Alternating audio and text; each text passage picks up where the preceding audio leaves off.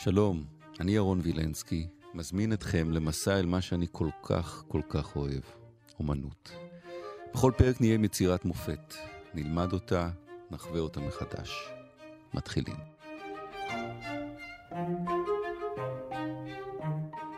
אחד הדברים הנפלאים שאני חווה בהקלטות לפודקאסט הזה, זה לגלות עולמות חדשים. דוקטור דיוויד גרייבס, אקדמית תל אביב, שלום. שלום רב. ואתה מגלה לנו, ולי באופן אישי גם, את דון אדי. הציור נקרא נעליים חדשות לאייג'. קודם כל, דון אדי. מי זה דון אדי? דון אדי הוא צייר אמריקאי משנות ה-60 אה, במקור, ולקראת סוף שנות ה-60 הוא היה אחד ממובילי הדרך בזרם ציורי שקראו לו בהתחלה פוטו-ריאליזם. אחר כך קראו לזה היפר-ריאליזם, ואני חושב ששני השמות הם... הם מה ההבדל בין פוטו-ריאליזם לריאליזם? ריאליזם זה המציאות, הרי ריאל. מה, מה זה פוטו-ריאליזם? הפוטו-ריאליזם אה, בין השאר מתעסק באופן שבו המצלמה מטווחת בינינו לבין המציאות. הרבה מאוד מתמונת המציאות שלנו, תמונת העולם שלנו, מעוצבת על ידי צילומים. אז יש לנו צילומים, למה צריך לצייר אותם? אז הצילומים, אנחנו חושבים שהם תמימים, אבל הצילומים הם לא תמימים. אה, צילומים עושים את מה שהמצלמה יודעת לעשות, דהיינו, יש דברים שהמצלמה תתפוס, יש דברים שהמצלמה לא תתפוס. אמ, לפעמים זה מכוון על ידי הצלם, לפעמים זה לא מכוון. בכל מקרה שלא יהיה, צריך לתת את הדעת על זה, שאם אתה רואה משהו שנראה כמו צילום, זה לא אומר שזאת האמת המוחלטת והסופית. ואז בא הצייר ומגלה לנו שכבות בצילום, בצילום על ידי ציור. נכון מאוד, נכון. וכאן אנחנו מגיעים לציור הזה. לקח לי זמן להבין מה קורה כאן, אני חייב להגיד, ואז אתה, אתה קולט, יש כאן הרבה אה, אה, זכוכיות, זאת אומרת, זה חנות, והרבה השתקפויות בתוך ציור אחד. נכון. אבל מה הדבר בציור שהוא, שזה בעצם התרומה של אדי, וזה הדבר שכל כך נראה לנו מוזר בציור הזה, ההשתקפויות, ומה שמעבר, זה, זה חנות נעליים אגב, כן? כן. זה חלון רעבה של חנות נעליים. ההשתקפויות מן הרחוב והנעליים שבתוך החנות, שאחד מהם זה האמת, הנעליים הן אמיתיות. נכון. ההשתקפות זה השתקפות, זה, זה אילוזיה, זה לא אמיתי. רואים את הבתים מסביב, רואים את האוטובוס. רואים את השלט של, ה, של הרחוב. אה, רואים גם דמות בג'ינס מצד נכון, שמאל. נכון. בדרך לעבור את הכביש. הווה אומר, יש לך אוטובוס של Greyhound, ירוק. זה, זה מה יש באמריקה. יש לך פה דברים אמיתיים, הנעליים והחנות, ויש לך השתקפויות שזה לא אמיתי, ושניהם מצוירים באותה רזולוציה. עכשיו, לא רק שהם מצולמים באותו רזולוציה, הרזולוציה היא מטורפת. הווה אומר, הם אינטנסיביים, הם היפר. הם נקיים מאוד, הם ברורים מאוד, הצבעים הם חדים בצורה בלתי רגילה, זאת אומרת, זה לא צילום סתם, וזה בטח לא ציור ריאליסטי סתם. איך הוא עובד? הוא מצלם ומסתכל על הצילום ומצייר אותו? אז זה אחד הדברים ה- היפים אצל דון אדי, אגב, זה שהוא אדם כל כך פתוח וכל כך נדיב, שהוא מוכן לספר את הכל, והוא יודע שאנשים שואלים, אז מה, מה קורה עם הצילום? ובאתר האינטרנט שלו, אפשר ללכת לאתר האינטרנט שלו, זה doneddy.com, הוא פורס את כל הטכניקה העכשווית שלו, אה, שזה פשוט מרתק.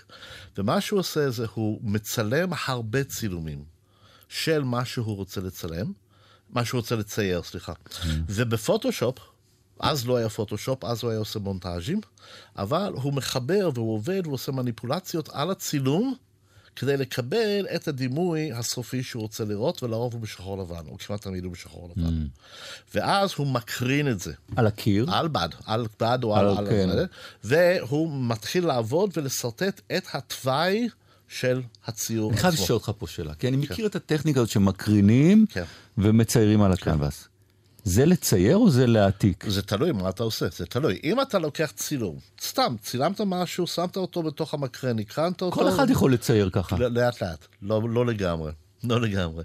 כי מה שקורה זה אם אתה סתם שם שקופית לתוך מקרן, מקרנה, כן. ואתה מקרין אותו על בד, אז אתה תקבל את התמונה, אבל ברגע שאתה בא עם עיפרון לשרטט אותו, אין לך קווים ממש מדויקים על, ה, על הבד. כי אין... אין וכאן לא- אתה צריך יכולת של אתה צייר צריך כדי... עין מאוד ברורה כדי לדעת איפה הקו שלך הולך לעבור בדיוק, ואיפה הוא מטושטש. יש משהו שאתה בא. להגיד, מה אתם ציירים, אז מה אתם מקרינים? אבל זאת, אבל זה, זה סתם תירוץ מה שאמרתי לך כרגע. כי אני באמת חושב, אין הרבה עניין בלהקרין תמונה ואחר כך לצייר אותה. השאלה מה אתה הקרנת. אם הקרנת סתם תמונה שצילמת והמצלמה פתרה לך את כל הבעיות, what's the big deal? אבל אם אתה ישבת חודשים על גבי חודשים כדי לעצב מתוך את נכון. הצילום, אשר יראה בדיוק כמו שאתה רוצה לראות וכולי וכולי, ואת זה אתה הולך לעשות, אז אתה מעתיק את העבודה של עצמך, זה בסדר. בטח שזה בסדר. ואם אתה צייר גדול, אתה יודע גם לצייר נכון את בדיוק. ההקרנה הזאת. ודון אדי הוא כזה, הוא יודע בדיוק איפה לעבור עם העניין. אחרי שיש לו את זה בשחור לבן, הוא עושה וישים על כל הציור בצבעים אחידים. הוא עושה... וישים בצ... בצבעים בצבעים, אה, שקופים יחסית. כן, שקופים.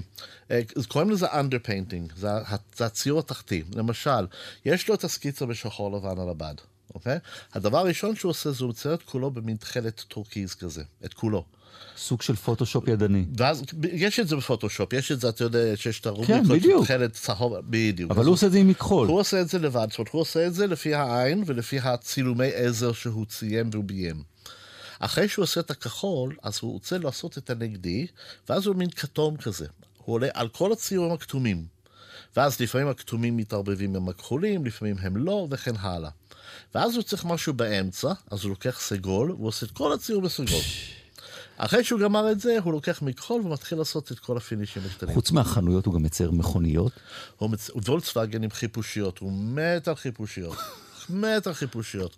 מצייר אותם יוצא מן הכלל. זה אחד הדברים שאני זה החיפושיות הכי פואטיות ש... זה באמת, והוא מצייר אותם במלוא יופיין המכוער, או כיורן היפה, אחד מן כן. השתיים, אבל הוא פשוט מצייר. אה, אה, אה.